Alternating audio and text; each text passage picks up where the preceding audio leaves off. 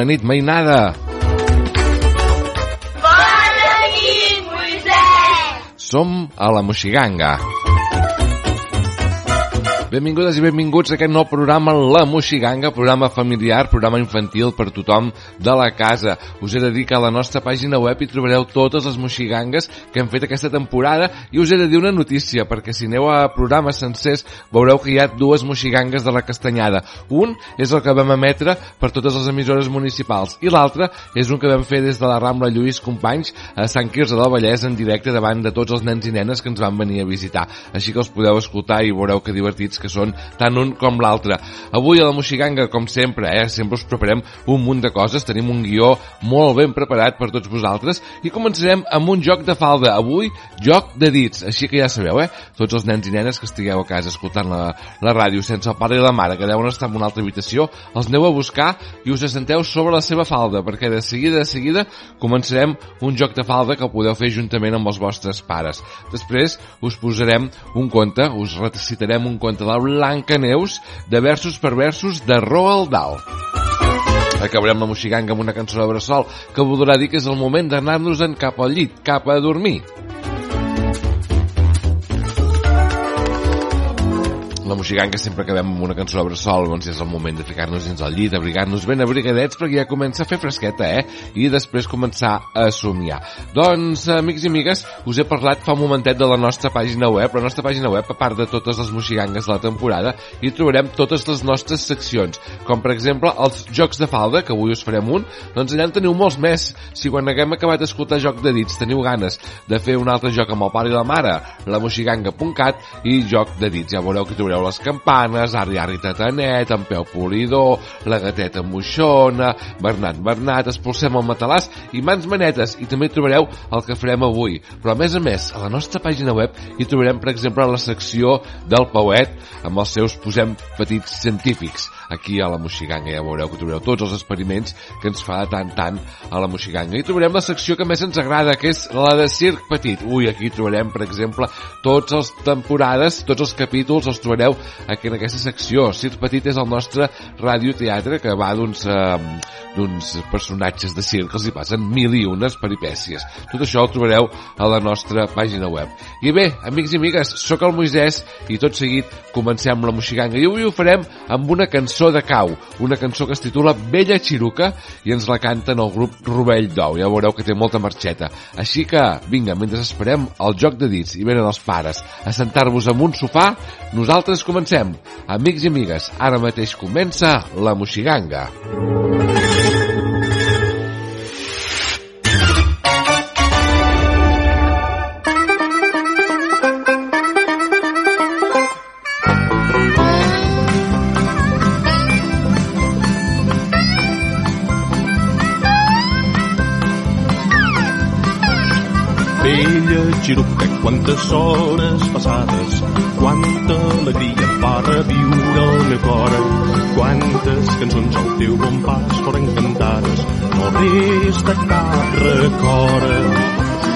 Pujant les muntanyes blanques de neu, fent ruta vers el cel blau.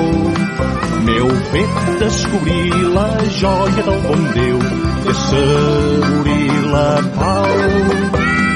Bella Xiruca, quantes hores passades, quanta alegria va reviure el meu cor.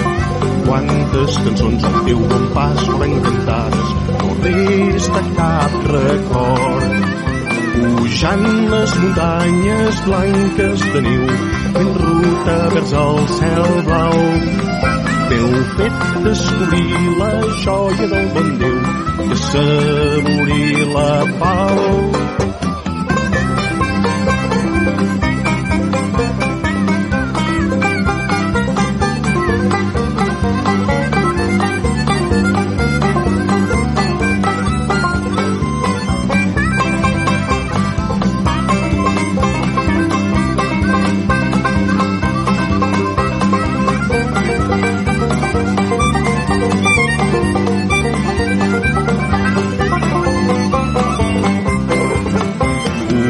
Muntanyes blanques de niu fent ruta vers el cel blau.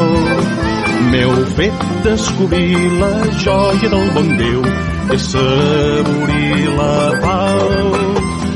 Vella xiruca, quantes hores passades, quanta alegria fa reviure el meu cor, quantes cançons al teu bon pas foren cantades, no resta cap record. Pujant les muntanyes blanques de neu, fent ruta vers el cel blau. M'heu fet descobrir la joia del bon Déu i assaborir la pau. Vella xiruca, quantes hores passades, quanta alegria fa reviure el cor. Quantes cançons al teu bon pas foren cantades, no resta cap record. Pujant les muntanyes blanques de neu, fent ruta vers el cel blau. M'heu fet descobrir la joia del bon Déu i assaborir la pau.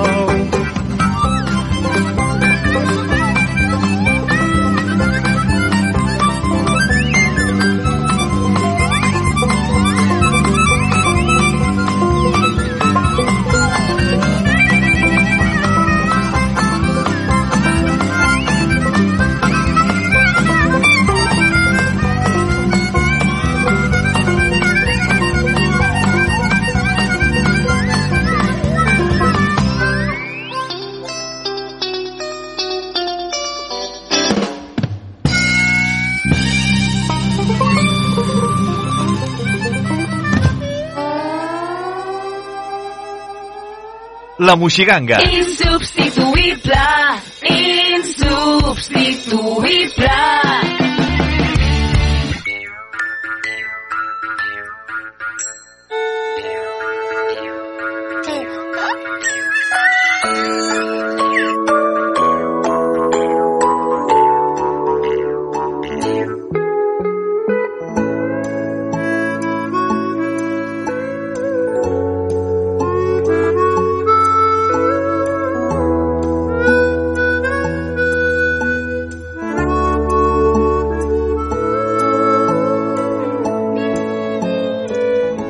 De sempre, les persones que han tingut cura dels nadons han jugat amb ells per entretenir-los.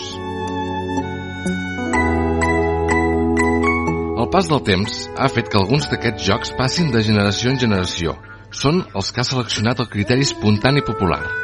Malgrat la seva aparent simplificat, són petites obres d'art que no només entretenen, sinó que faciliten el desenvolupament dels nens, els ajuden a adquirir els primers coneixements, estimulen els seus sentits i enforteixen la relació amb els adults.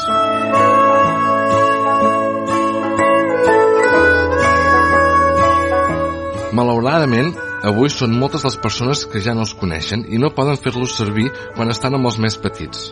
Si algun dia es perdessin definitivament, no només hauríem oblidat una part molt important de la nostra cultura tradicional, hauríem deixat de fer servir una eina excel·lent de relació amb els més menuts.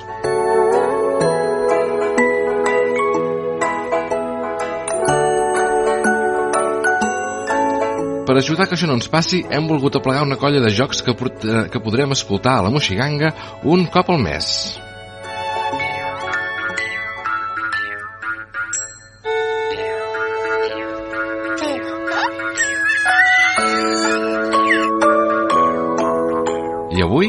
Joc de dits.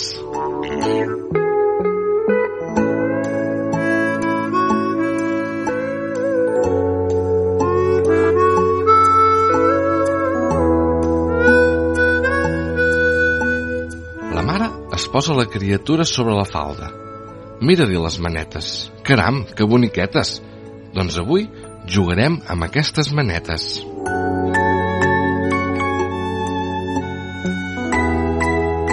Començarem amb els ditets. Mira, aquest és el més gros, es diu polze. Després, aquest, que es diu índex. El del mig tampoc no ens el deixarem. I seguirem amb aquest altre, que es diu anular.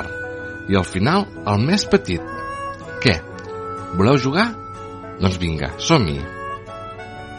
Aquest és el pare, aquest és la mare, aquest fa les sopes, aquest se les menja totes. I aquest diu...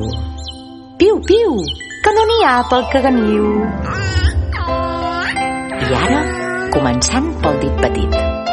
Un van a buscar un ou, l'altre va encendre el foc, l'altre el va cuinar.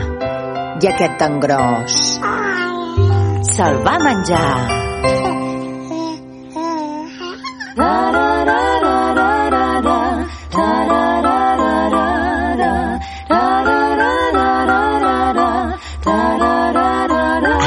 És el pare, aquest és la mare. Aquest fa les sopes, aquest se les menja totes. I aquest diu... Piu, piu, que no n'hi ha pel caganiu. Apa,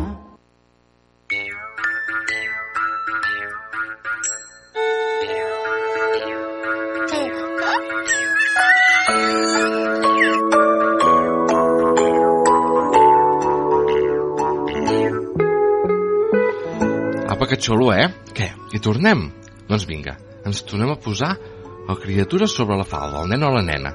Mirem-li les manetes. Oh, que en són de boniquetes. Doncs avui jugarem amb les manetes. Començarem amb els ditets. Mira, aquest és el més gros, es diu polze. Després aquest, que es diu índex. I el del mig tampoc no ens el deixarem. Seguirem amb aquest altre, que es diu anular. I al final, el més petitó. Voleu tornar a jugar? Doncs vinga, som-hi. Aquest és el pare, aquest és la mare. Aquest fa les sopes, aquest se les menja totes. I aquest diu... Piu, piu, que no n'hi ha pel caganiu. I ara, començant pel dit petit. Un van a buscar un ou, l'altre va encendre el foc, l'altre el va cuinar. I aquest tan gros se'l va menjar.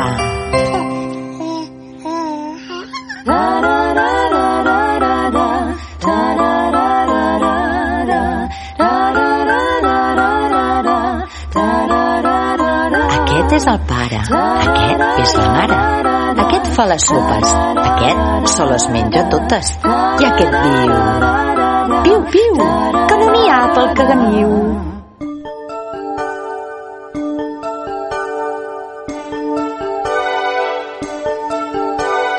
Cinc fillets té la maneta, cinc fillets molt divertits.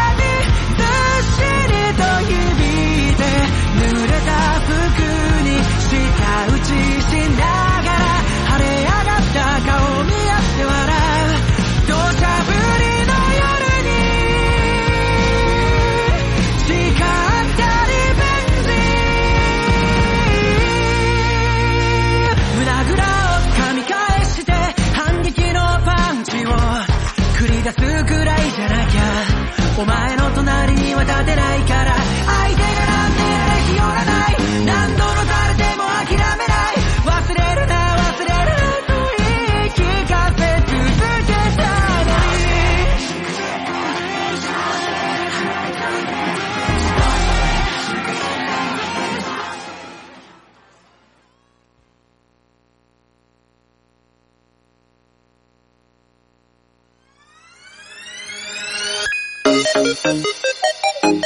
Te damos la bienvenida a Dimensión Manga, un espacio para charlar sobre novedades, cultura, curiosidades e historia del mundo mangánime.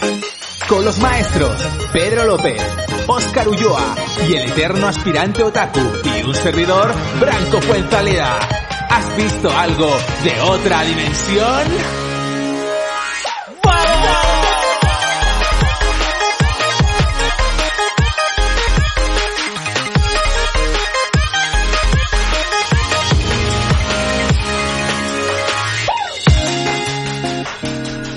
Buenas noches, mis Radio Nakamas. ¿Cómo estamos? Muy buenas noches, Branco. Estamos. Estamos. ¿Qué- qué- qué- Por fin. Ah, vale, estamos por fin. Llevo toda la semana esperando a que llegue este día. Es, es el día de la semana. Es el día, es el día. Ha habido unos pequeños problemillas técnicos, pero con tu gran sabiduría has sabido arreglarlos a tiempo. Es la gran sabiduría de reiniciar, ¿no? Reini- Bueno. es, es, la, la sabiduría del informático. ¿eh? La de problemas que ha solucionado un reset. Exacto, sí, sí, sí. Y bueno, eh, hoy nos acompañan eh, de nuevo eh, mi hermano Yerko, que lo tenemos por aquí, Yerko. Muy buenas. Y además tenemos aquí a Kuan Yin, que es su mujer. Buenas.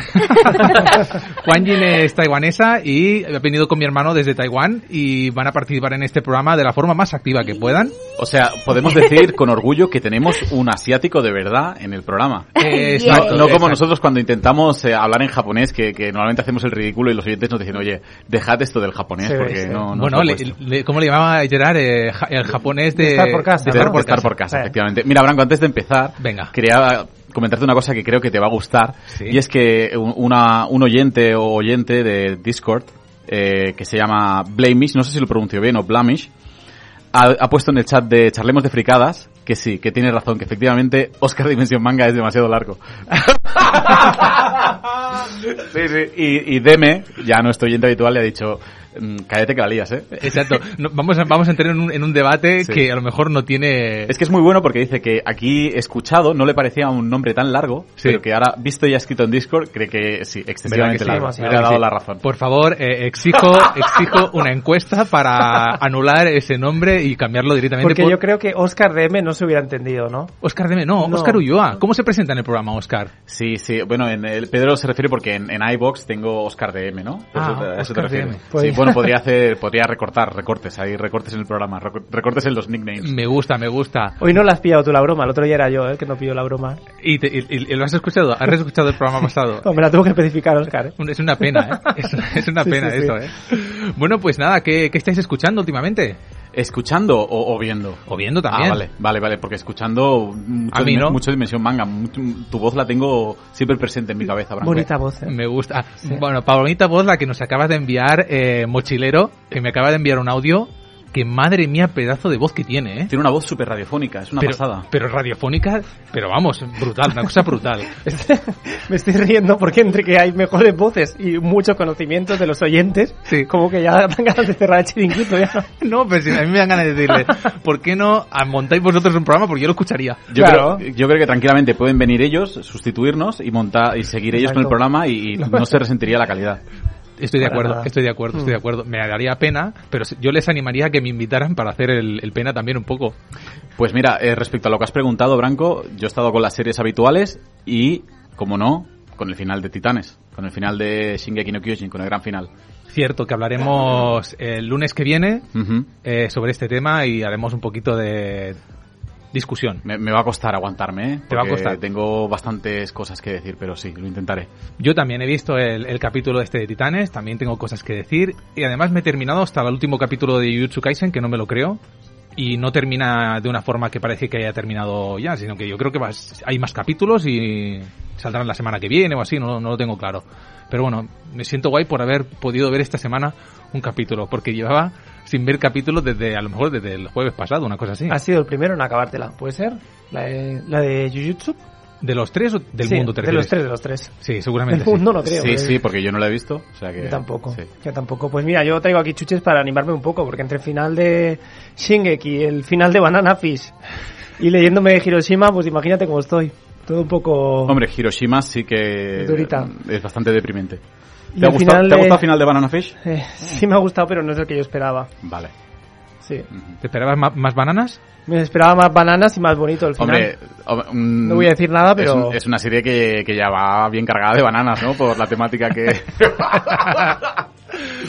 Había que hacer la broma. Pero, eh, ¿podrías comentar esto también en el de noticias? Comentar un Sí. poco el final de Banana Fish. No sé si es un final transversal o mundial o es un final tuyo que has visto tú porque lo has visto ahora. No, hace ya tiempo que lo vi. De hecho, si os recordáis cuando hablé de la serie, eh, os expliqué que Banana Fish era una, eh, creo que era un pez de una serie de J. de Salinger, una novela. Cierto. Y el capítulo final se llama El guardián entre el centeno. Mm, Pero esto creo que lo comentaste en el programa, ¿eh? El capítulo final creo que no. Vale. Creo que no, porque me chocó, pero puede ser que sí, porque con la memoria que tengo, Vale. puede ser. Pues ya lo comentaré también. Perfecto, Franco, y a ver qué- qué ha interpretado la gente, porque últimamente es como que... Oye, Branco, eh, a mí me gustaría aprovechar que tenemos hoy aquí a, a Kuan Yin, no sé si lo pronuncio bien, para hacerle una pequeña pregunta. Sí, por supuesto. Se la, se la pregunto en inglés, que ya se siente más familiarizada con el inglés, y luego pues ya Yerko mismo ha dicho que, que lo traduce en, en plan traductor simultáneo. Venga, me gusta. ¿Vale? Sí, gracias. Okay, so uh, first of all, thank you for being here in uh, in in our little so little No, uh, it's not radio little. I feel very, radio very program. excited to be here and uh, to enjoy with everyone together. So nice. I, I would like to ask you about your childhood in Taiwan. Yeah. Uh, which uh, which animes uh, did you used to see? Uh, maybe some animes that were so important for you, and a, a little bit about the anime scene in, in Taiwan. Yes, ah, but ¿Qué tipo de animes te gustaría, eh, qué, qué tipo de animes ves allí en Taiwán? Bueno, que veía en su infancia. O que veía en su Y, y series que le hayan marcado. yeah, yeah, yeah. We see a lot like the we have the, the girls and the boys. No, the Ah. boys, of course, the Dragon Balls, but the uh, the girls, like for example, my childhood. I see this. Uh, I don't know in English because we all translate in Chinese, but it's like I have um um uh, seven or six different girls with the different kind of uh, planets. Sailor And Moon. they change the clothes. Oh no, you have, you will, you know, but I don't know how Es to otra. say Bueno, in dice que- English. di- now dice I will es- say to you, Mhm. and they will always dancing, like when they are doing the the transformation. Ok. Ah, Pues- sí, debe ser. Yes, así. I think you know. Sailor Moon. Dice que, Is this- que hay, que hay eh, anime para, para chicos y para chicas, Sí. es decir, que esto Eh, está bastante claro allí, Sí, ¿no? sí, sí, sí. And my personally love a lot that in my generation the girls and men love a lot of this animation. I don't know if you have. Mm, yes, of course. Uh, it's um, Yeah. Kodomo, Kodomo no Kodomo no Mocha. Yeah. It's like the um, the, the uh, child's toy. Yes, and Yeah. we say it's our national Eh, sí. De hecho, le gusta tanto, le ha gustado tanto que eh, se lo leyó cuando, cuando eh, era joven, o sea, más joven, digo. But also ¿no? now. Pero se lo leyó antes de venir. Antes de que vinieras para acá, Sí, me acuerdo sí. que se tiró, pero una semana Leyendo. leyéndolos todos. Yes, se quedó allí, pero en plan a saco, como en plan eh, carrera, acabártelo lo antes posible. Bueno, es como Enganchadísima, Sí, sí, ¿eh? sí. es como Sheila, Sheila nuestra colaboradora también hace poco también se volvió a ver eh, ¿cómo era? Eh, Hannah Yoridango. Hannah Yoridango. Sí, bueno, básicamente lo que ha dicho es que, que pues las chicas veían Sailor Moon y los chicos Dragon Ball Yeah. y Sí, que sí. esas series son un poco las que han marcado la infancia también de los niños en Taiwán, o sea que es no de- es demasiado diferente. Es de Sí, es Yoshizumi very esta similar. también, la de Kodomo no No, Mucha, no, no, no, no, es de No, es de, Yoshizumi, de la, no. es de la otra muy famosa también. Sí, and Marmalade Boy? Marmalade. Ah, Um, Wataru Yoshizumi, Marmalade Boy. It's like it's, it's very similar. Uh, it's like for girls like Sojo. Estoy preguntando si ha visto también Marmalade Boy. ah, I, I have to see the photo, but for Yeah. sure after I see the photo, it's I like know it. it's a story of a boy and a girl that they think they are brothers, but they eventually Ah, not. and the girl play the card? Yeah, yeah. No. Well, I, I don't, I don't know. We, yes. we Mijo have a Obana, es la... Mijo Obana. Vale, ves, si no es la esta, misma. esta también sí No es es famosa, misma. pero en el manga. It's uh, Vale. Child's You Toy, in English, child, Sí. Kodomo no Mocha Child's Yes. Toy. It's not uh, about child, for child. Yes, exactly. But we see sí, a sí, lot sí. when It's we for are child. adults. Yeah. But it's interesting that when we are young, I don't know, maybe it's the moment that uh, when they are just released, so Mm-hmm. that all the elementary school, uh, elementary schools, uh, children, we Mm-hmm. see a lot this, and we say Hmm. it's our national boyfriend. Está comentando que en la época que apareció, que aunque la serie, como, como comenta Pedro, puede que, es- que esté destinada a adolescentes, pues los niños de primaria ya estaban, vamos, súper flipados viéndola y todas sus amigas querían tener novios, pues como, Era un malote. pues él. como Yumatsura. Él o- era un malote el Sí, de sí. esta serie. Oye, pero me alucina que, que en, en su infancia, allí en, en Taiwán, las series las conozcan por su nombre en, en chino. Claro. Cla- Aquí en España seguramente pasará con muchos, eh, no otakus, pero que fueron otakus en aquella época por ver esas series de animación que habían en la tele, como, como, como por ejemplo No me lo digas con flores o algo así, o... Bueno, no me digas con flores, yo creo que no la emitieron aquí nunca, pero sí La Familia Crece. Correcto, La Familia Marma- Crece. Marmalade Boy, Correcto. o, bueno, en la época que se decía Bola de Dragón, o Bola de Drac aquí en catalán. Exacto, que a lo mejor no conocen, les dices, a Dragon Ball a lo mejor es muy evidente, ¿no? Pero Claro. por ejemplo, Marmalade Boy no tiene nada que ver con La Familia Crece. Claro. Pues podría ser un, un- un rollo como este, ¿no? Sí, sí, sí, sí. Qué curioso, está muy guay. Pero que, mm, para que veas que realmente no hemos tenido una infancia tan diferente. Aquí, eh, a- al menos en lo que el anime respecta, obviamente. Exacto, sí, sí, sí. También creo que estaría bien como para poner a la audiencia ahora, porque nosotros vemos a, a Kuan Yin, ¿no? Un poco cómo es su edad y tal, que ella es de... Where, when you born? What year? You remember? Eight, 1988? Where's my birthday? Your birthday? 88? 1989. Eh, Vale, el del 1989 es ella. Vale, que ahora... Es un pelín, no sé, un pelín más joven que, que nosotros. Exacto, un pelín más joven. Pero Sí. Mm. así para que nos situemos, eh, porque es otra generación también. Sí. Eh, sus hermanos pequeños, de hecho, por ejemplo, ya eh, son de, ya empiezan a ver más. Eh, Acércate al micro, si puedes. vale, eh, sus, eh, sus hermanos, por ejemplo, eh, son más populares de Green- eh, One Piece. Ah, Your brothers. yes, it's true, it's true, it's true. Ah, y esto es, esto es un dato importante, es decir, que Hombre, claro. a medida que va avanzando alguna generación, por muy poquitos años, es que Sí, son a veces sí. unos 5 años, 2 años, es que esto ya empieza a ver como la- el, la- el stamp, ¿no? De cuál es el la base de mi ma- de mi anime Sí. en, en la infancia, ¿verdad? Todos podemos decir aquí, creo que es, es Dragon Ball, ¿verdad? Es como la base Sí. principal Yeah. de... Sí, sí. Y For You is For me, the yes. base, the, Maybe the, the, the, mo- the most important The anime most- the in most Sailor Moon. the beginning, for example. Yes, I think it's Dragon Ball. Dragon and Ball the other, and the yes, and the other, the first I show with a different planet. is Yeah, Dragon- Sailor Ok, Moon. Sailor, Sailor Moon. Moon. Vale, Mm. pues eso. Interesante, O sea interesante. que Dragon Ball lo vieron to- todas las personas, no voy a decir chicos y chicas porque habrían, en aquel momento también habrían otros, Claro. otros tantos, ¿no? Pero todo el mundo. yo Ahora que os comentado lo de One Piece, Sí. tampoco les pertoca a, por ejemplo, a los niños de ahora, no es su generación One Piece, ¿eh? Piensa que One Piece salió en el 98 en Japón. Sí, sí, lo que pasa es que es una serie que ha sido capaz de trascendir generaciones. Y le sigue interesando a los niños de hoy en día, en así como otras series, como por ejemplo a lo mejor un Dragon Ball ya te lo ven un poco Sí, viejo. Sí. One Piece he sabido... Es un caso extraño, Es un ¿eh? caso extraño. El de ¿Por qué crees Porque que, pa- para que nada- por el estilo de dibujo? ¿Crees para nada no es su dibujo generación. o- Porque yo creo que es porque continúa hoy en día y porque es el shonen más famoso que hay.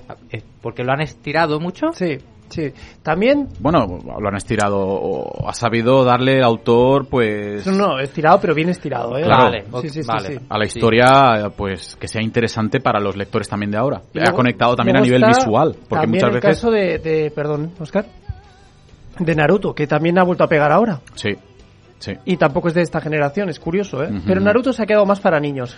Naruto ha quedado como algo más infantil y One Piece sí que es verdad que más adolescente. Sí, más ¿cierto? adolescente. Sí, pero es verdad que Naruto tenía una segunda juventud porque hace poco hablé con un librero que me dijo que era de los mangas más vendidos actualmente. Sí. El manga de Naruto, porque todos los niños están a tope con Naruto, que dices, tampoco les pertocaría porque es una serie de principios del 2000. Pero fíjate en el, hace 20 años. en el merchandising. Las, los adultos llevan eh, Dragon Ball y los niños llevan Naruto. Ujú. Ese es el merchandising eh, Sí, sí, que sí. hay ahora mismo, un porcentaje más alto. Al menos el que vi yo, el que veo normalmente. Sí. Mm. Bueno, pues nada, eh, como siempre vamos súper apretados con nuestra agenda, así que vamos a saltar a nuestra siguiente sección. La manga reseña. Bueno, pues eh, hoy os traigo una obra que Pedro me regaló por mi cumpleaños y se llama Bajo el aire de Osamu Tezuka, el maestro Osamu Tezuka. Eh, poco hay que añadir sobre este, quizá el, el gran maestro del, del, del manga, Sí. se podría decir. Es un tomo de historias cortas de Tezuka, os lo enseño aquí un poquito. Eh, Estilo total Tezuka, ¿eh? Sí, sí, sí. Maravilloso. El estilo gráfico es, son de diferentes épocas estas obras. Y, y qué, qué decir, es un manga que puede chocar bastante porque, como veis, el grafismo de Tezuka a veces nos puede recordar a, a este estilo shonen o kodomo de Astro Boy, pero las historias son muy crudas. Es un manga eminentemente seinen. Las historias son extremadamente duras. A mí me han parecido, eh, bueno, de lo más duro que he leído. Y, y- y encima choca con este grafismo de Tezuka, que a veces es un poco cartoonish, porque tiene esta influencia de Disney. Entonces, eh, es una obra publicada por Dolmen Editorial. Tuvo una primera edición en 2008 que costaba 8,95 y la volvieron a editar debido al éxito en 2018 y, le incrementaron un, un euro el precio, 9,95 que sigue estando muy bien. Es un formato tomo con sobrecubierta rústica y súper recomendable. Y me gustaría leer un, un poco el, lo que pone aquí detrás, porque creo que ilustra muy bien eh, lo que contiene la obra. Eh, mira, Dolmen Editorial se enorgullece de poder editar por primera vez la obra del maestro Osam- Osamu Tezuka. El padre de Astro Boy eh, recorrió durante su, su historia profesional en el sector del manga dos caminos distintos. Uno influenciado por Disney, que sería el más infantil que hemos comentado, Sí. y otro mucho más oscuro y adulto. Bajo el aire es una obra que se incluye en este último grupo. Qué bueno. O sea, son historias eh, oscuras. En, en, en algunos casos muy oscuras, eh, muy truculentas, eh, que a veces dices que sí que es verdad que fue uno de los principales impulsores del Gekiga, del manga para adultos, o sea, porque Tezuka creía que el manga podía ser mucho más que algo para niños o para adolescentes, y fue junto con un grupo de mangakas muy selecto, fue uno de los impulsores de- del Gekiga, o manga para adultos que conocemos hoy en día. O sea que una obra súper interesante para los fans de Tezuka, y como últimamente estamos hablando bastante de Tezuka con Pluto y tal, Exacto. pues desde aquí súper recomendado, y muchísimas gracias Pedro por el regalo. Muy bien, Pedro, ¿eh? parece una obra brutal. Además que Sí. puede llegar a chocar, como, como comenta Oscar, si estás acostumbrado a la, a la obra de Tezuka pues más infantil, pues puede llegar a chocar esto. Sí. Yo creo que me chocaría. Y muy interesante eh, también que algunos capítulos están protagonizados por el propio Tezuka. No me digas. Son, a ver, es un mangaka, ¿Sí? pero ya vemos que eh, visualmente es Tezuka, que él siempre se dibuja con esa nariz tan Sí. redonda, con el gorrito de mangaka. Y, y bueno, son muy, son muy graciosos los, los episodios en los que eres protagonista porque eh, lo que comen- lo comentó Pedro que un día en el programa que pintaban a los, a los autores de Kekiga como muy puteros, muy puteros Sí, y sí, alcohólicos. Sí. Y, y es algo que se ve reflejado en la obra. Además, en, en la, en la otra que ya comentaremos, la de los locos del Gekiga, eh, Takao Saito, cuando todavía no es famoso, va con la con esta típica boina y le dicen que te crees Tezuka o qué. en plan. Porque ahí era famoso Claro, Tezuka. claro. Que luego Sí. Takao Saito ha sido un, un- también una eminencia del manga porque es el autor de Golgo 13. Sí. Pero claro, en esa época, ¿no? Decía, a ver, tú que vas de Tezuka aquí por la vida.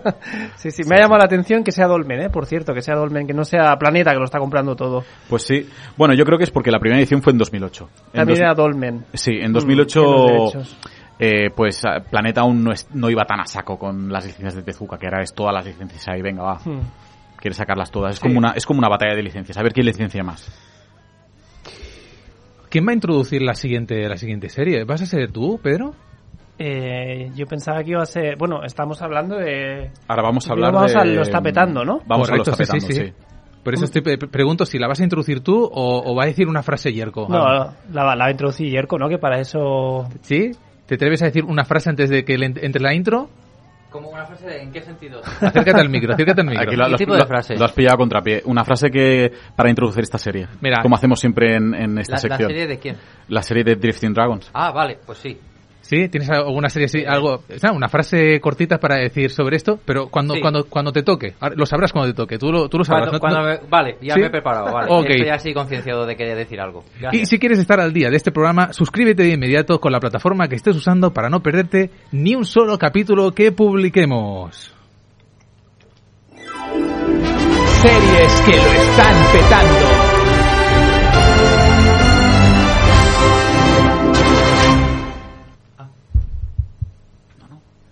Sí, sí, ahora te toca. La tripulación del barco volador Queen Sasa vuela por los cielos del mundo en busca de dragones. Arruinarse o enriquecerse dependerá de su habilidad y la suerte. Estamos hablando de Drifting Dragons.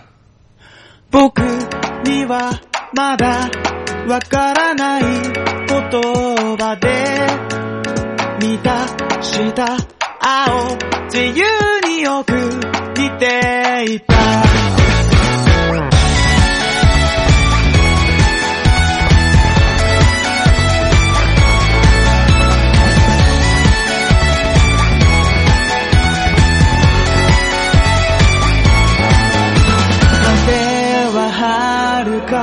見たこともない国へ。船を漕いで思うように生きてた。風に揺れる白い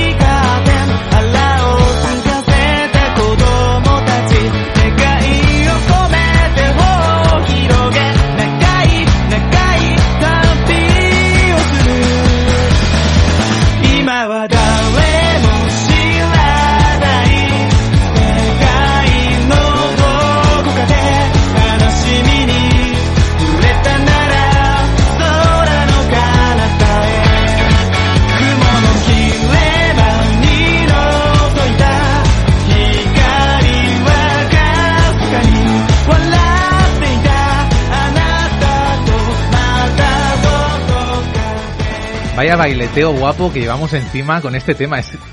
Ya te digo, e- esta, esta, este opening me gusta así porque realmente está bien escogido para lo, para digamos para la temática, ¿verdad? De este, de este anime que proyecta así sensibilidad, el compañerismo, el trabajo en equipo, la aventura, ¿no? Pues no sé, como un buen rollo, ¿no? Sí, No sí, te- sí, sí. Tiene buen rollo. Sin dramas, como vamos a pasarlo bien, ¿verdad? Es un poco la proyección de este opening, es lo que es lo que, podría veo. tener dramas, que podría tener Puede dramas. tener dramas, pero, no- se enfoca mucho en el, en el rollo trabajo en equipo, como Sí. que es lo más, lo que más vamos, se vería, ¿no? En este, en este trabajo, ¿no? En esta obra. Bueno, yo eh, conocí a Drifting Dragon, que es Dragones a la deriva, no sería la traducción literal al castellano, y en japonés es Kute Dragonzu, ¿no? me- eh, soy fan soy fan de este eh, japonés eh, de andar por casa, también de Yerko, ¿eh? Sí, porque en- luego, vivo, en luego, vivo. luego ves que la gente que realmente sabe japonés nunca pronuncia de esta manera. Porque para los japoneses, eh, cómo, cómo doblan los seiyus el anime es una, es una manera forzada de hablar. Claro, Claro. Es increíble. Están actuando, Pero- están pero actuando. no- Exacto. Exacto, pero como estamos Exacto. en este Sí, lenguaje, sí, puedes decir, oye, aquí nos- Sí, sí, los sí. oyentes todos, a que, no, a que todos conocemos este tipo de voz. Sí, No. sí, sí, sí, totalmente. ¿No? Todos sabemos que suena así. Cuando la gente allí en el, en el anime, Esto- el, el- el- la voz en off, ¿verdad? Está ahí Y hablando. cualquier, y cualquier voz suena así. Y cualquier, y las de la, y las de la chica, pues, eh, no, yo no sé hacerlo, no sé Espera, hacerlo. que Kuan Yin es, ella, ella, Kuan Yin, ¿Qué? eh, ella es, em, hace dubbing, ella es Actor de doblaje. Actriz- de doblaje, y lo ha hecho para animes y para videojuegos, o sea, cuidado. Ah. Y, you can do some voice. No, but in Chino it is very weird. No, anything, anything, don't worry, don't worry. One action of, something you remember. You remember something? I think she's it's feeling, she's feeling a bit embarrassed. Yes. Yerko, Le da, le da- un poquillo de vergüenza. A ver, pues claro, es que a, a ver si vas a querer que haga una vocecita así rollo hentai. ¿Sabes? La puede hacer. ¿eh? No, no, pero claro, quizá ella se siente un poquito, ¿no? No, no, no es la que suele hacer. No es la que suele hacer. Censura, censura. Bueno, vamos a hablar de, de, de este, de este- de Un- este una cosa, porque no, no sé si los oyentes lo saben, que, que Yerko ha venido a comentar especialmente lo que es el, el- el aspecto sonoro de, de la serie. Sí, ¿Vale? eh, es sí, sí, sí.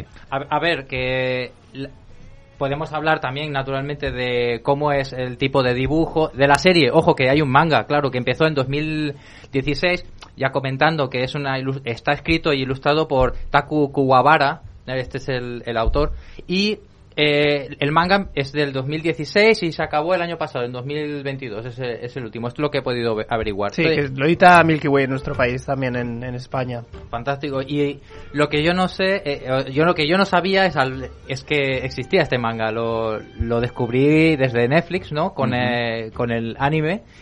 Y me llamó muchísimo la atención, especialmente la banda sonora. Pero no el opening, ni el ending. No, la banda sonora. Yo creo que está súper bien. Tiene un montón de puntos originales. Y es de un... eh, y el compositor es alguien que bueno es un compositor que me gusta mucho que se llama Masaru Yokoyama una pasada tiene tiene distintos trabajos en, anime y, la verdad es que es fantástico su trabajo me gusta mucho porque él busca ese punto de eh, textura sí que trabaja mucho eh, él por ejemplo en el eh, ambiente folk y, y algún y pero el tema es que busca tesituras un poco curiosas dentro de las de las obras Entonces, a ver si podemos escuchar una esta misma esta misma que has puesto es fantástica Sí, está por aquí. Recordemos que esto es una serie de eh, unos cazadores, sí. por decirlo de alguna manera. Sí, cazadores de dragones, sí. Cazadores de dragones, pero que no los cazan por porque sí, no es un hobby. Ellos los cazan para vender su carne y además preparan eh, suculentos platos que a pesar de que esté hecho con ese tipo de animación CGI, Sí. eh, sigue siendo súper apetecible. Incluso Sí. yo creo que mientras la estaba viendo, estaba respirando un aroma de carne de dragón súper rica. Entonces, Eso, eso me, me, me sorprendió bastante esta combinación, ¿no? Entre manga como fantástico y, y de cocina. y de cocina sí. aventura ciencia ficción y cocina así se, Sí, es sí, el sí. género Es el, el eslabón perdido entre el Petit Chef y Lotus War, ¿no? Sí, sí. En plan, Nosotros también por nos los, por los sorprendimos. dragones. Correcto, a mí, a mí, Sí, sí. a mí me, me- cuando la cuando la empecé a ver me sonó un poquito como si volviera un poquito atrás en el tiempo a los años 2000 con estas series de fantasía que me sorprendían tanto, ahora ya pues no me sorprenden de la misma manera, ¿no? Pero sí que el, el rollete me ha, me ha gustado, me ha transportado, estaba muy bien. Así que nada, un poquito para introducir eso la, la historia, por Hmm. si os, os entusiasma verlo, Drifting Dragons, Sí. está muy bien. Está ambientado como, digamos, a finales del siglo XVIII, principios del... Bueno, finales del XIX, principios del siglo XX, más o menos, así como... Es lo que recuerda, porque el bar es un barco volador tipo Zeppelin, ¿no? Es como si tuviera... Sí, así- es un poquito steampunk la, Tiene un punto, ¿verdad? la decoración, los la mecánica. Sí, los pantalones, por ejemplo, son de estos típicos que se usaban en, Hmm. a, a principios del siglo XX. Como un poco bombachos. 1900. Un poco bombachos, Sí, poco exacto, bombachos. tipo bombachos y tal. Recuerda un poco un, un estilo como alemán y tal, ¿sabes? Así A mí me recordó de Soy Branco a un videojuego que se llama Skies of Arcadia, porque es el concepto de barco Zeppelin volador es, Sí. es algo que se llevaba mucho antes. Sí. Bueno, y que mola un montón, Sí, la sí, verdad. es una pasada. Que era de Dreamcast, ¿no? De Dreamcast. Sí, no recuerdo la compañía, me Sí, pido los es, dedos es un, ahora. es un componente como muy, un toque muy RPG, ¿no? Sí, sí. Muy juego de rol. Sí, de hecho la, la- el tipo de banda sonora también es un poquito RPG, ¿eh? Sí, Eh, es que, es, que es esto. eh, yo creo que es algo especial que tiene este compositor y es que compone de una manera que tú lo ves en la serie y sí, te encaja para la serie, pero al mismo tiempo lo podrías, te podrías creer que podría ir a un videojuego este tipo de Hmm. música, ¿no? ¿Y si pones una canción? Está, está ahí sonando, todo el rato tengo la banda sonora de fondo. Sí, pon- puedes poner una canción, te pido una canción. Una que Sí. se llama Shit, used that Stone Lance. Y es Dice- justo la que te estoy poniendo. Dice, quiere decir, mierda, he usado una. una. mm, ¿Cómo dice? Que es una stand Es que claro, como a mí Eso se le he dice- cortado. Ahora, ahora, ahora, ahora. Eh, dice, quiere decir. Dice, mierda, usé una lanza paralizante. ¿Por qué? Porque el- Ah. las lanzas paralizantes dan peor sabor a la carne. A la carne. Entonces, así se llama el tema. claro. Oye, Pedro, tú te has visto algún capítulo de esta serie, ¿no? Me he visto el primero. ¿Qué, Me- te, qué te ha parecido? Me he visto el primero. Porque a mí, a nivel visual, no me ha convencido para nada. Eh, parece que este es jugando un videojuego. Vale, Sí, sí, que muy videojuego, ¿verdad? Sí que como eh, he comentado otras veces, em, los fondos están muy cuidados, Vale. los paisajes están muy cuidados, pero las sensaciones de videojuego. Sí. De hecho, el estudio que lo hace es Polygon Pictures, que es un estudio especializado en 3D, solo hace 3D. Exacto. O sea que seguro que, porque no he investigado más, pero seguro que hace algo para videojuegos también, este estudio. Creo, creo que me gusta más el estilo del manga, ¿eh? Que el del anime. Sí, a mí también, mí Ujú. también. Pero se deja ver. Eh, Me está fastidiando un poquito que, que series tan buenas, con tan buen argumento, te lo hagan en 3D. Sí, Porque me entiendo. obligan a verlo en una animación que no es mi preferida. A ver, entiendo porque la primera vez que yo vi un, un anime entre, entre que estaba en Taiwán y estábamos Kuan Yin y yo viendo uno, nos quedamos la primera vez, ¿eh? Hmm. Eh, Era uno sobre insectos gigantes y tal, era no me acuerdo cómo se llama, y era de una chica con pelo platino, así dos trenzas y tal, eh, no me acuerdo, pero era como posapocalíptico, había unos insectos gigantes y la gente vivía en, en ciudades y tal. Me suena a mil. No me acuerdo del nombre, pero el caso es que ese fue el primer anime en 3D que vi. Y con los personajes en 3D. Y yo me quedé, con Kuan Yin nos quedamos un poco como, ostras, qué raro, ¿no? De verdad, daba una sensación muy extraña, decir, qué raro que un anime en 3D. Y después vimos que empezó a convertirse en una tendencia, como cada vez más proyectos salían en tres dimensiones. Bueno, los estudios nos lo quieren imponer porque, claro, a ellos les, les sale más rentable. Esto, la verdad es que lo desconocemos. Dice, but what do you think about this this serial? Remember Drifting Dragons? This, eh, Yes, yes, yes, es yes, por- I love porque, it. Porque Kuan Yin, a ver, Kuan Yin es una chica, tiene sus gustos, yo tengo Ujú, los míos, claro. entonces a veces es como esto entre parejas, ¿cuál es la serie ideal que a los dos les gusta y tienen gustos distintos? Entonces, lo importante, what do you think is the important for a couple as a man and woman can see a beautiful serial? What means? What means? what do you think about uh, what is the uh, characteristic do you think is the best for one uh, serial about uh, what do you think for example Yeah, why I think we I- like this serial? Why we like this serial? Yes, because uh, for example, that a lot of time the animation choose Yurko is very action, Okay. but sometimes for me that action is become a bit boring. Or maybe that here I'm Claro. the only woman. que I'm sorry. elegir, que suele elegir But- series de acción y Claro. claro que a ella le aburren y esto es muy importante de saber vale cómo Yes. podemos combinar este punto de acción con algo Yes. que a ella le sienta interesante Yes, ¿no? and for a woman, something very important in animation is about the like, emotion that it transmits, about like uh, the relation between, uh, or, or like uh, some funny stories inside. Para- and um, this uh, animation mixed too, because it's very active when they're hunting, but it's very funny when they're eating. Claro, es de- es mu- eh, hay que combinar que las mujeres buscan algo que más eh, la, la expresión de las emociones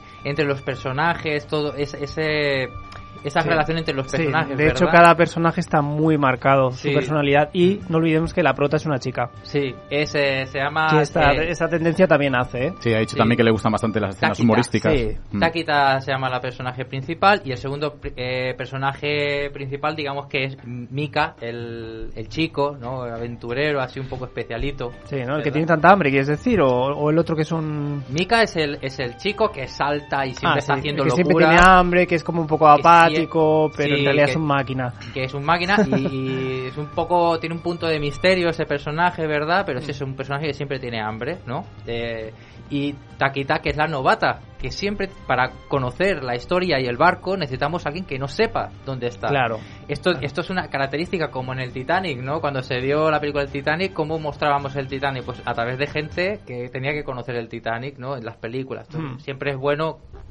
que un personaje no sepa dónde está tenga que conocerlo y lo conocemos con el personaje, Claro, ¿no? claro, Este te lo presenta así. Es la novata y bueno, y cómo descubrimos todo esto con él. Yo lo encontré muy interesante a nivel, creo que a nivel narrativo está bastante Sí, bien. está bien, está Eh, bien. Está bien. Y, y lo dicho, que eh, bueno, críticas vamos a dejarlo del punto del estilo Hmm. eh, como en, en stand-by, ¿vale?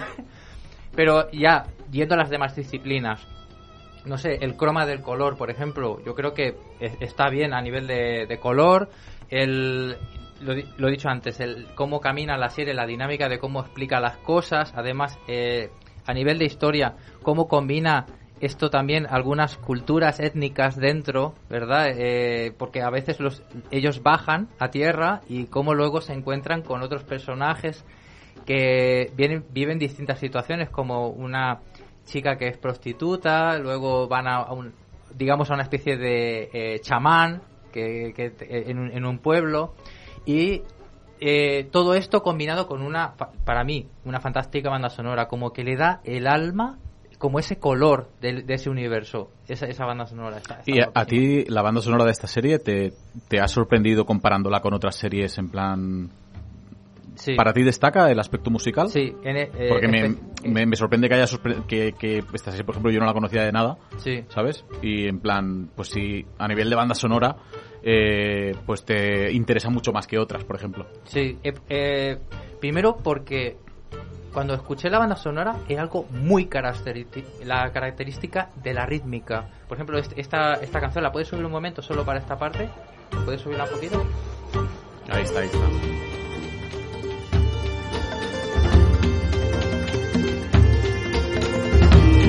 Para los oyentes que no lo sepan, que, que acaben de entrar, Dierko es músico profesional, por eso está tan interesado en el aspecto musical, ¿no? Porque a- algún oyente estará pensando, este, este programa me lo han cambiado y es Dimensión Música. No, bueno, eh, en este yo voy a hablar de música especialmente eh, para Claro. este. Sí. Y bueno, pues también por cómo este, este compositor eh, buscó eh, algunas texturas de sonidos muy, muy extrañas para que... cosas que nos despierten interés, no solamente a nivel rítmico, sino eh, hacer un sonido como hace un- sonidos entre medio y entonces no sabes si es el dragón o si es la banda sonora. Y entonces ahí es el punto medio, no este punto gris entre lo que es la banda sonora y lo que son los, los, los efectos de, de- de la animación. Qué bueno. Me pareció buenísimo. Es muy atrevido, este tío es muy atrevido y ha hecho otras series eh, que también mezclaba canicas. Eh, porque eran era, era de bueno de más de adolescentes y tal y mezclaba en la banda sonora canicas y, y me pareció Muy analógico también esto, ¿eh? Claro, y entonces no sé, que me- por eso veo que es que muy pocos, hay muy pocos eh, compositores que se atrevan a poner este tipo de, de sonidos o efectos de sonido dentro de su banda sonora y lo hacen muchísimo más interesante. Hmm. A veces no sabemos por qué algo nos gusta y, y podemos decir que es, es el conjunto tal vez de todas las disciplinas que están en su medida, ¿no? A veces yo he visto eh, series que están muy bien, pero la banda sonora, la verdad es que... Flojea no. un poco. No, Y lo- no, y- no destaca absolutamente nada. Está allí Claro. como, pues... Ah, vale, pues... Simplemente acompaña, pero no, Exacto, no destacan nada. Aquí tú escuchas la banda sonora. Cuando está, y, y acompaña muchísimo cuando pasan cosas, como suelta la rítmica, de repente no se oyen tambores y suelta voces de niños japoneses, creo que son una- un grupo de niños japoneses que cantan y hacen una armonía. Y está como que de repente te sientes que estás flotando. A mí personalmente me ha inspirado mucho en, en los videojuegos que he hecho, este tipo de ideas. Por eso lo destaco, porque es a mí, este, esta- este compositor, me ha enseñado desde su trabajo en la animación. Claro, tú, tú comentaste que los videojuegos en los que sueles trabajar suelen tener mucho estética anime, ¿verdad? Algunos de ellos. Vale, algunos, algunos de, de ellos. ellos, vale. Sí, como por ejemplo Opus. Hay un juego que se llama eh, Opus em, The Echo, Echoes of Star Songs. Este, por ejemplo, hicimos la, eh, el álbum eh, recopilatorio, álbum, digamos, para Sí. los fans. ¿Y estos juegos van dirigidos al mercado chino, asiático o mundial? Asiático Vale, y asiático. especialmente japonés. Vale, vale. Porque, porque si parece japonés, es guay. Vale, de acuerdo. Los japoneses sigue bueno. siendo cool. Eso seguro. Entonces, todo el mundo, garantía. yo te lo digo, yo he tra- eh, eh, eh, estoy, colabora estoy colaborando con diferentes empresas y todos ellos, casi ca- prácticamente, no, mm, vale, no todos, pero el, digamos, 50% Ujú. con lo- de lo que me he encontrado, quieren que parezca un juego japonés. Vale. Qué interesante, Qué ¿eh? curioso. Qué curioso porque si- sin ir más lejos, creo que el juego Genshin Impact no es japonés. No. Y es muy japo, en realidad. Exactamente. Mm, Cierto. Por hacer un cierto. Porque, que la ha petado muchísimo exacto, también. porque la tendencia, porque eh, tenemos que ver dónde está el núcleo del- de, lo cool, ¿vale? De la tendencia de este tipo de género. Es, o- de- el anime, ¿de dónde viene? Es japonés, sabemos Hmm. japonés. Tienes que parecer, eh, Tiene que parecer de- Japón. aunque tú lo hagas en China, o tú lo Vale. hagas en Taiwán o Corea, eso tiene que parecer japonés. Si haces un videojuego y tú lo haces que parezca japonés o, o creado por japoneses, es como que tienes una estampa como de buena calidad, ¿sabes? Directamente. Entonces, yo- bastantes empresas eh, incluso los compositores, he conocido compositores de otros juegos que ahora, los que ahora voy a empezar a trabajar con ellos, que les ha gustado mucho nuestro trabajo, me de- decían, me decían así, me decían, quiero que compongáis eh, en e- esta en esta parte de- del videojuego, dice, pero vosotros hacéis la primera parte y luego yo le pondré eh, encima mi arreglo, que yo sé componer a, a un estilo japonés. Estas son palabras del compositor, ¿eh? Que me lo decía así, me decía, yo sé componer al estilo japonés, vosotros componéis vues- a vuestro estilo y yo lo, yo le agregaré el estilo japonés. Interesante ese punto, porque Sí. yo, yo no me lo esperaba. Eh, y eso es a través de, bueno, y lo que me podré ir encontrando a- en, en el, Con el paso del tiempo, con el paso del tiempo. Mm. Pero fíjate que lo importante que es estar allí en la estampa de Japón. También eh, comentabas lo de la banda sonora, una cosa que me llamó a mí la atención porque me gusta mucho escuchar anime desde hace años con, con auriculares y ahora que tengo un buen sistema de sonido, no voy a hacer promo de ninguna marca, pero sí que es verdad que es el Track It System Sound, que la tele te... te Podéis adquirirlo desde el corte inglés como una oferta hacerlo. que- Pero tiene, tiene algo muy interesante, por esto lo digo, cabrones. Luego me dices qué marca es. Eh, cuando aparece un sonido en una esquina de la tele, Sí. se va ahí el sonido. Entonces, Sí. claro, lo puse a toda mierda para, para, para apreciar el sonido, porque ibas a hablar de sonido. Sí. Y cuando empieza la serie lo peta muchísimo el Sí, ¿no? sonido. El barco, el dragón, o sea, ruge. Exacto. Ruge. Y lo noté, si tienes un buen sistema de sonido. Sí que es cierto que a mí visualmente no me gusta la serie, pero en sonido, hombre. Claro, es eso, decir, vale, eh, no me gusta a nivel cómo se ha hecho el diseño del, de, la- de, de- A de visual. anime, pero los efectos de sonido, Está la bien. banda sonora eh, y, y cómo es la narrativa de la historia, oye, eh, y además, bueno, el desarrollo de los personajes y tal, oye, claro, me, engancha. me queda esa contradicción. O sea, es una buena historia, es- está muy bien y tengo que verlo en, en ese